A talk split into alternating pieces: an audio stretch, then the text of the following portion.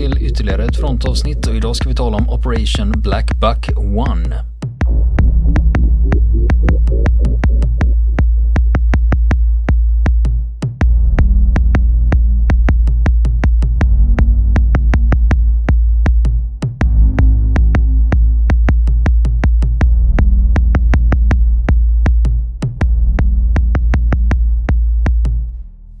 Niklas, har du något favoritkrig? får man säga får så? Man, får man säga så ja egentligen?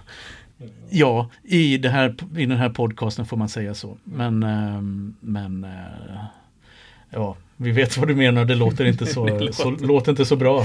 Nej. Men eh, om jag har något favoritkrig, alltså jag, i och med att jag, de flesta böcker jag själv har skrivit handlar om andra världskriget så borde jag ju säga det. Men eh, ja, jag vet inte. Jag vacklar lite. Ja, ja. Har du något, har du något eh, annat utöver? Om du ska göra en topplista då? När man ska göra en, ja men andra världskriget är ju naturligtvis med på den topplistan. Så det är lite svårt att rangordna. Jag, första världskriget är ju med där också. Sen har jag lite sådana där som Etiopien, mitten av 30-talet. håller jag på att titta Italien, på. It- Etiopien. Italien, Etiopien. Abessinien. Jajamän, jajamän. Och ehm, lite 1600-tal. De la Gardis eh, tåg till Moskva i början av 1600-talet är också en sån där som jag alltid fastnar för när det dyker upp någonting nytt att läsa om det. Och eh, ja, jag blir lite ställd sådär av frågan. Får man ha ett jag, är ofta, jag är lite Får man all, ha- får man ha ett favoritkrig? Jag är lite allätare sådär inom historia och även när det gäller den militära historien. Så att, du själv då? Nej, historiskt sett så har jag ju alltid eh, haft en förkärlek för Vietnamkriget. Och eh, så även på senare år intresserat mig väldigt mycket för Irak och Afghanistan, det vill säga samtida konflikter. Men nu har det seglat upp eh, en allvarlig utmanare här. Och det är Falklandskriget 1982. Åh, Falklandskriget ja. Ja, Ja, men Falklandskriget är intressant. Det är väldigt intressant. Ja, och det känns ju som en parentes. Det här med Falklandsöarna, det, det jag gillar med det. Alltså ni får ju, ni som lyssnar på det, ni fattar vad jag menar. Va? Det här med att gilla krig och ha favoritkrig och sånt. Jag tror ni fattar, vi behöver inte gå in mera på det. Men det, det, grejen, med, grejen med Falklandskriget, det är att det är mm, varför jag föredrar att läsa om det just nu var- jämfört med andra krig det är att det är väldigt tydligt avgränsat. Det är två nationer, du har Storbritannien å ena sidan och du har juntans Argentina å andra sidan. Det är väldigt tydligt geografiskt avgränsat. Det, konflikten utspelar sig på en begränsad yta. Eh, när man pratar om andra krig så är det ofta Speciellt när man talar om moderna krig som till exempel utkämpas i tredje världen mellan flera olika folkgrupper. Det är väldigt rörigt och man vet inte riktigt var de rör sig. Och när vi tittar på nya terrororganisationer som har dykt upp de senaste åren, ni vet vilka jag menar. Där är det också det att de slår till på massa olika platser och man fattar inte riktigt geografin. Fördelen med Falklandskriget var att det var, väl, det, det var enk, enkelt att förstå. Precis. Och till och med lite snudd på lite gentlemannamässigt för man hade nämligen avsatt en skyddszon, en spärrzon där man skulle lägga sina la- lasarettsfartyg och där fick inga stridigheter ske. Och sen om vi tittar på det här kriget som bara pågick i, i två månader ungefär. När vi pratar om civila förluster, Mm. det uppgår till tre.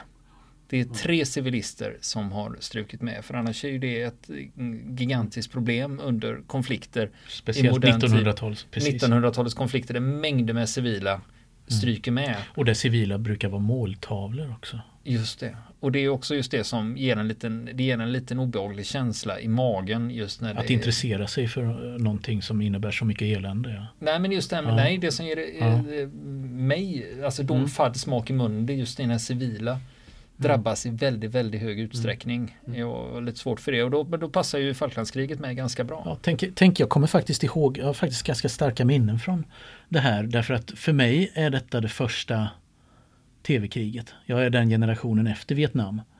eh, Eftersom jag är född 67. Så att jag var för liten för det. Jag, kom, jag har en vag minnesbild av den här evakueringen från amerikanska ambassaden som jag tror jag såg när jag var liten på tv-nyheterna.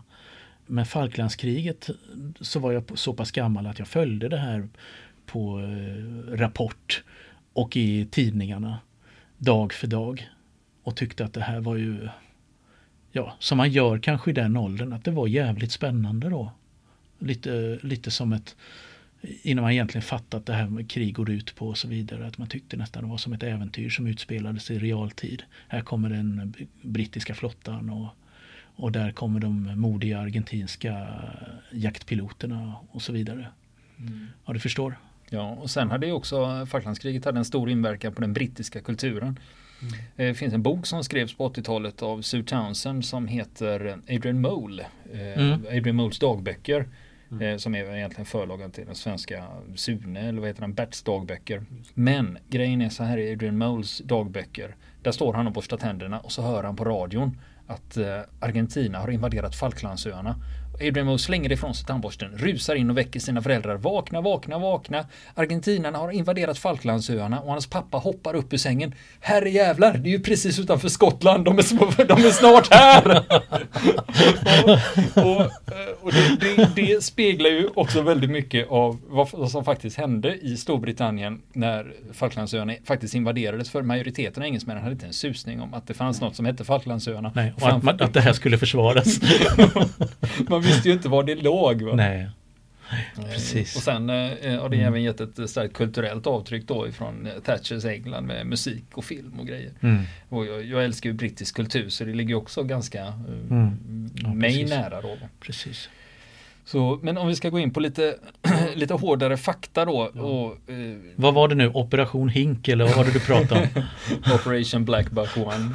vi pratar om det här eh, kriget som var under ganska kort tid. Mm. För det börjar ju egentligen 2 april då när Argentina mm. invaderar. De tar guvernörsresidenset i Stanley och hissar den argentinska flaggan. Och nu är det ju så här att förhoppningen var ju att britterna skulle liksom skita i det här då, va, och mm. glömma att de är en gammal kolonialmakt. Det låg för långt bort helt enkelt. Att, ja, det var ju det som var förhoppningen från eh, juntans generaler då. Nu blev det ju inte riktigt så. För Thatcher satt ju i London. Mm. Men då är det ju så här att även om så att säga kriget bryter ut den 2 april men sen händer det inte så jävla mycket. För att eh, brittiska flottan är ju inte i närheten. Och, de, och britterna har ju inga fly, direkta flygstridskrafter i närheten heller. Utan det blir som att man trycker ner pausknappen på det här kriget. För mm. nu måste ju britterna skicka ner sina, då det, liksom, det står på paus i en månad. Ja, de var ju tvungna att organisera sig, de var ju inte beredda på det här. Och eh, precis, det blev ju en jätteapparat logistiskt där. Det var ju saker man saknar och så vidare. Så eh, ja, ju... ja, visst. Ja, det finns eh, till exempel en, en, en rolig anekdot kring det här just när britterna då vaknar upp. För de skulle ju då ha igång sina hangarfartyg. De var ju hyfsat operativa men man, det var ändå lite avtoning då. Redan den 1 april hade de brittiska hangarfartygen Hermes och Invincible försatts i beredskap. Det var britterna hade fattat att eh, invasionen var på gång. Det visste de dagen innan då. Men sen dagen efter då skickade de två skvadroner med Sea Harriers till de här fartygen. Och det var skvadronerna 800, den skulle på Hermes 801 på Invincible. Det var ju Sea Harriers då, det är ju mm. brittiska flottans eh, flyg då. Och en av de här skvadronerna, de hade åtta Sea Harriers, men de hade bara sex piloter. Då kommer ju frågan, ska vi ställa eh, två fullt fungerande plan hemma eller ska vi försöka lösa det här på något sätt? Då, så flottan ringer upp RAF och mm. frågar har ni två lämpliga piloter som har erfarenhet av Harrier och som, som är tillräckligt duktiga som vi kan, kan vi få låna dem av er? För annars blir det ju två plan stående som de inte har någon nytta av, så de tar med sig dem. Och RAF hör av sig och säger, det fixar vi. Och så fick, de namn, fick flottan då namnen på två passande piloter som hade, var skolade på rätt typer. Och det här var en fredag. Och då ringer Royal Navy och ska ha tag på de här piloterna då. Och till slut får de tag på dem. Det är fredag. De här piloterna sitter på en bar i Tyskland. När Royal Navy ringer upp, ringer upp och får hey, tag på dem. Vill ni vara med i ett krig? Ja, det är exakt så. Hej, det här är Royal Navy. Goda nyheter. Ni ska kriga med oss. så de fick inställa sig så då. Så typiskt brittiskt. Ja, och sen utöver de här Sea Harriers då så fick även britterna de ställde upp med 10X och då var det senaste versionen av Harriern då. RAFs version då, GR3 hette den. Och, men då var ju problemet med, man hade ju inte sådär gigantiskt många hangarfartyg. Och hur ska man få med sig dem? Ja, då fick man ju rekvirera ett eh, civilt containerfartyg. Och så tog man bort allt som stack upp på däcket. Klart. Det är ju så att eh, Harrier, den lyfter ju rakt upp. Just den det. behöver ju ingen startsträcka. Vertical take-off en landing. landing, Precis. precis. och det var ju något man kunde utnyttja då. När man gjorde på det här viset. Och sen satte de segel söderut då. Hermes, Invincible och eh, bland annat det här containerfartyget och en massa andra skepp. Men de kom ju inte ner för den 30 april. Så, så att, det här var ju inget helt eh, ofarligt uppdrag heller. För Argentina hade ju faktiskt en del grejer att sätta emot. Bland annat hade man 16 stycken franska Dassault Mirage 3 och argentinska flottan hade också franska flygplan. Det var Dassault Super Etendard och de var ju beväpnade med Exocet-missiler. Mm. Franska. Ja, och det var ju var det ett ord man fick lära sig från eh, Falklandskriget så var det Exocet. Så var det Exocet då. Men nu var det ju så här att Argentina hade blivit satta i blockad av Frankrike. Det var ett embargo då. Så de fick inte fler Exocet-missiler än vad de hade. Mm. Hur många hade de tror du? Oj. Är det en 10 000 kronors fråga? Nej det kan jag inte på rak. Nej, de hade fem. Jaha.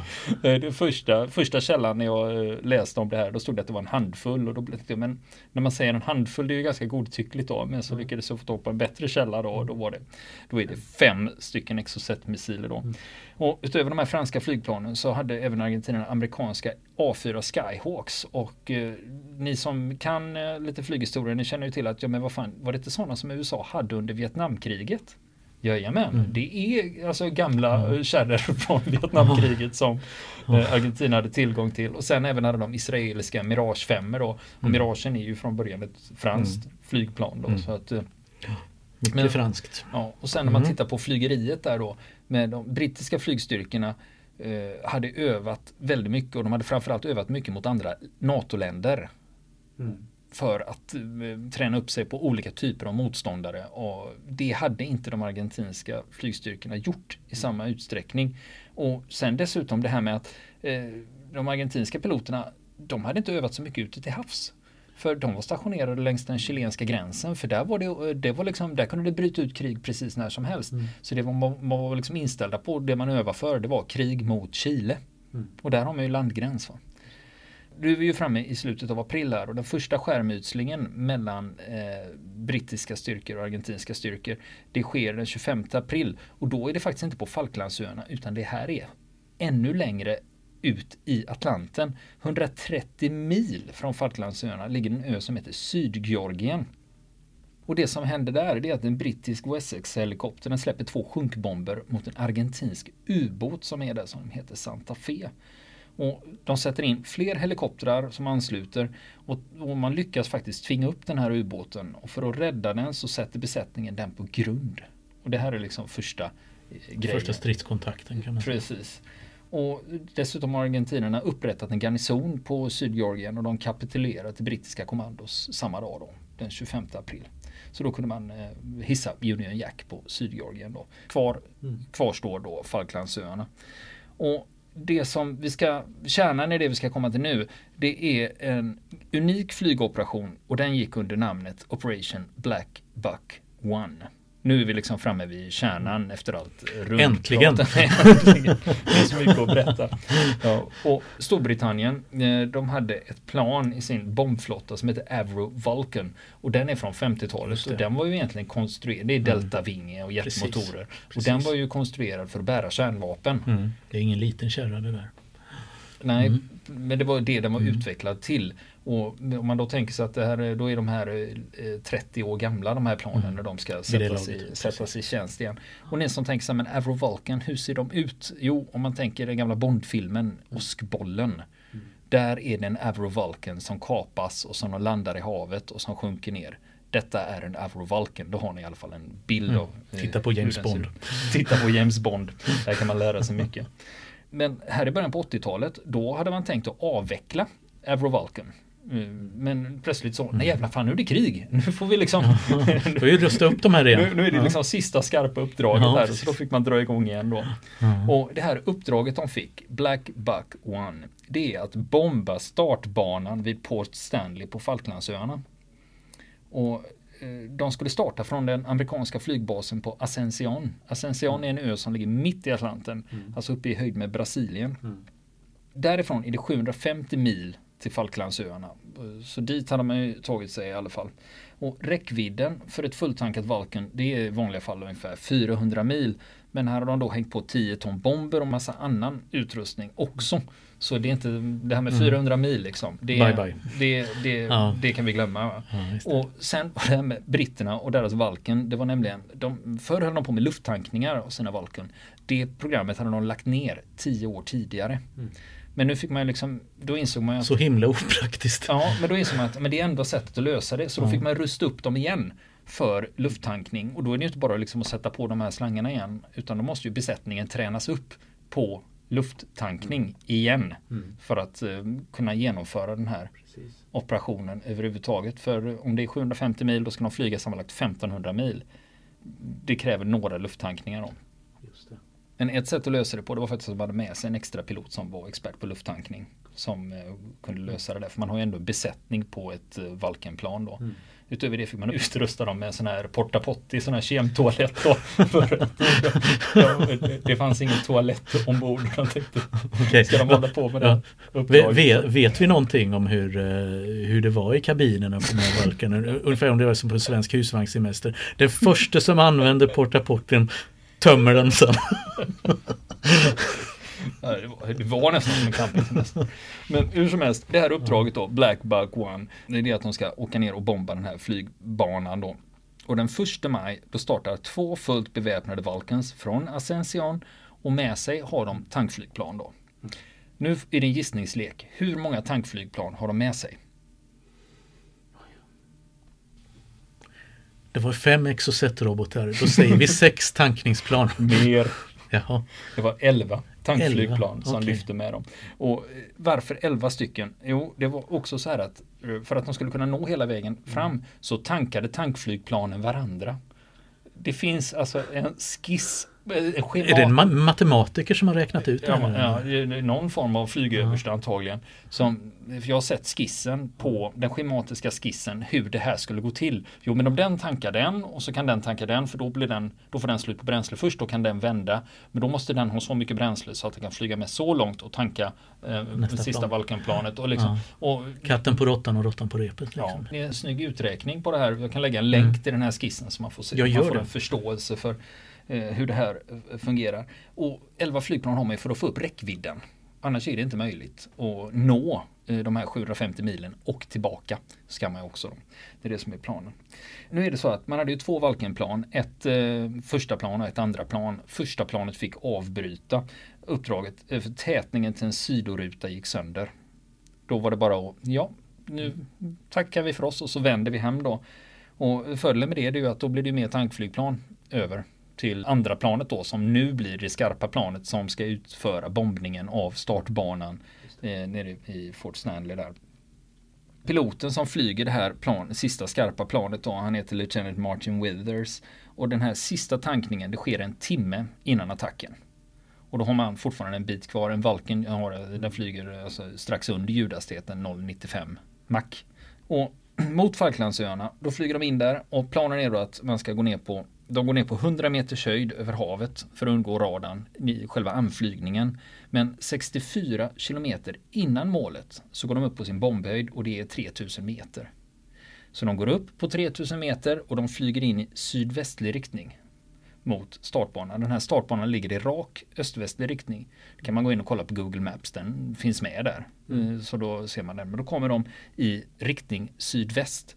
Då kommer man ju att fråga så här, men om man har en startbana man ska bomba, mm. vilken vinkel är bäst att bomba ja, ifrån? Ska man inte åka längs med då? Nej, det ska man inte. Och det finns en anledning till det. För när du släpper de här bomberna, då lägger de sig på rad. Mm. Och då räcker det att du missar med 4-5 meter. Mm. Då, då, blir det, då blir det bom på alla. Mm. Och om du kör i 90 grader tvärs över, då räcker det bara att det blir en liten lucka mellan två bomber. Så kan du missa startbanan helt och hållet.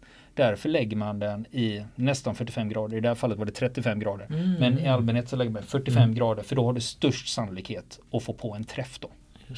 Och nästan 5 km från målet, det är ganska långt, då släpper de 21 bomber under 5 sekunder. Och hur gick det då för de här 21 bomberna när de slår ner? Mm. Jo, den första bomben som träffar marken sitter mitt i startbanan. Hepp! Och de mm. övriga träffar flygplan, förråd och installationer. Så det blir liksom den första sätter du och så bara dunk och sen med, så sätter man övriga grejer då. Besättningen ombord, de har ju signalspanare med sig eller vad det, radiooperatörer och de märker inte av några som helst motåtgärder från argentinarna för de har ju ändå luftvärn och radar och även jaktflyg och de det är helt tyst, det händer ingenting. Och planen var då att direkt efter attacken skulle de gå ner på 100 meters höjd för att gå under radarn. Då skiter de i det. Det händer ju inget. Så då ligger de kvar. Och sen går de upp på sin marschhöjd då för att spara, eh, bränsle. spara bränsle och kunna ta sig hem då. Mm. Och så de går upp på marschhöjd och vänder norrut mot Ascension och då sänder de kodordet Polo över radion. Och det är då kodordet att eh, detta är en framgångsrik operation. Vi har lyckats. Och halvvägs hem till Ascension då, då möts planet av ett tankningsplan och även ett spaningsplan då som heter Nimrod. Kallas den typen då. Och när de väl landar på Ascension sen då, då har det tagit 15 timmar och 50 minuter i luften. Då fattar du att de behövde en kemisk toalett med sig. Mm. Och då var det det längsta bombuppdrag som genomförts genom tiderna. Och då hade de flugit 1500 mil. Mm. 15 timmars flygning och vi talar 5 sekunders stridsinsats. ja, men å andra sidan, eh, vi, ska prata lite om effekterna ja. av det här också. För han, Flight Lieutenant Withers, han som flög Vulcan-planet som släppte bomberna mm. och även Squadron Leader Tuxford. Det var han som flög, eh, Tuxford var han som flög det sista tankflygplanet då, som tankade mm. om en timme innan anfallet. Bägge de belönades med Distinguished Flying Cross och The Air Force Cross. Så de fick eh, lite medaljer för det här. Men sen pratar man just om effekten av den här bombinsatsen. Vad gav det för någonting? För där går åsikterna isär. För en del tycker att, ja men herregud, argentinarna lappar ihop det där. Och det var ju i, i bruk dagen efter. Mm. Men sen finns det de som säger, nja, det hade faktiskt effekt på flera olika sätt. Bland annat var det det att man skadade startbanan så pass att man kunde inte flyga sina snabba jakt och attackplan därifrån. Utan okej, okay, man fortsatte med sina transportflygplan för de hade C-130 Hercules och uh, den typen och andra typer av flyg. Men den startbanan kunde inte användas av de snabba planen längre. Mm. Så då uppnådde man framgång med det. Men sen har vi också den psykologiska aspekten av det. Att britterna blir ju liksom stolta och glada över det här att herregud, vi kan göra en sån här mm. otrolig jävla insats. Mm. Man fick råg i ryggen. Man, man, eh, det, det, var verkligen, eh, och samtidigt som man skrämde argentinarna ganska ordentligt, att de hade ju inte en eh, tanke på att den här typen av insatser kunde ske.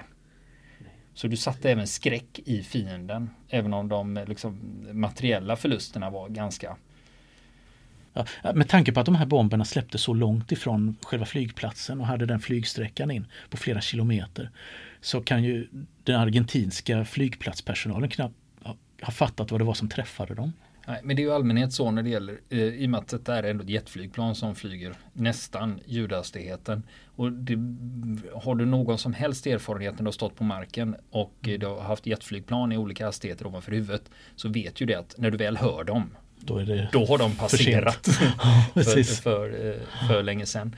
Men det här fick ju också som resultat att man höjde ju beredskapen eh, rejält runt Port Stanley med, sin, eh, med både radar och eh, luftvärn och man gjorde flera olika attacker. Det här var ju Blackback 1. Sen fortsatte man med Blackback 2 och Blackback, Blackback 3 och så vidare. Mm. Gjorde totalt sju attacker tror jag. Och det här var ju den som blev mest framgångsrik och det roliga är att eh, om man eh, googlar lite så går det ju att se flygbilderna från resultatet när du faktiskt ser ett flygfoto över den här startbanan och du ser första kratern sitter mitt i banan och sen ligger de som ett pärlband eh, ner i sydvästlig riktning då. Va? Ja. Med, med all respekt för eh, den flygbesättningens kunnande och skicklighet. Så de borde köpt en lott den dagen också.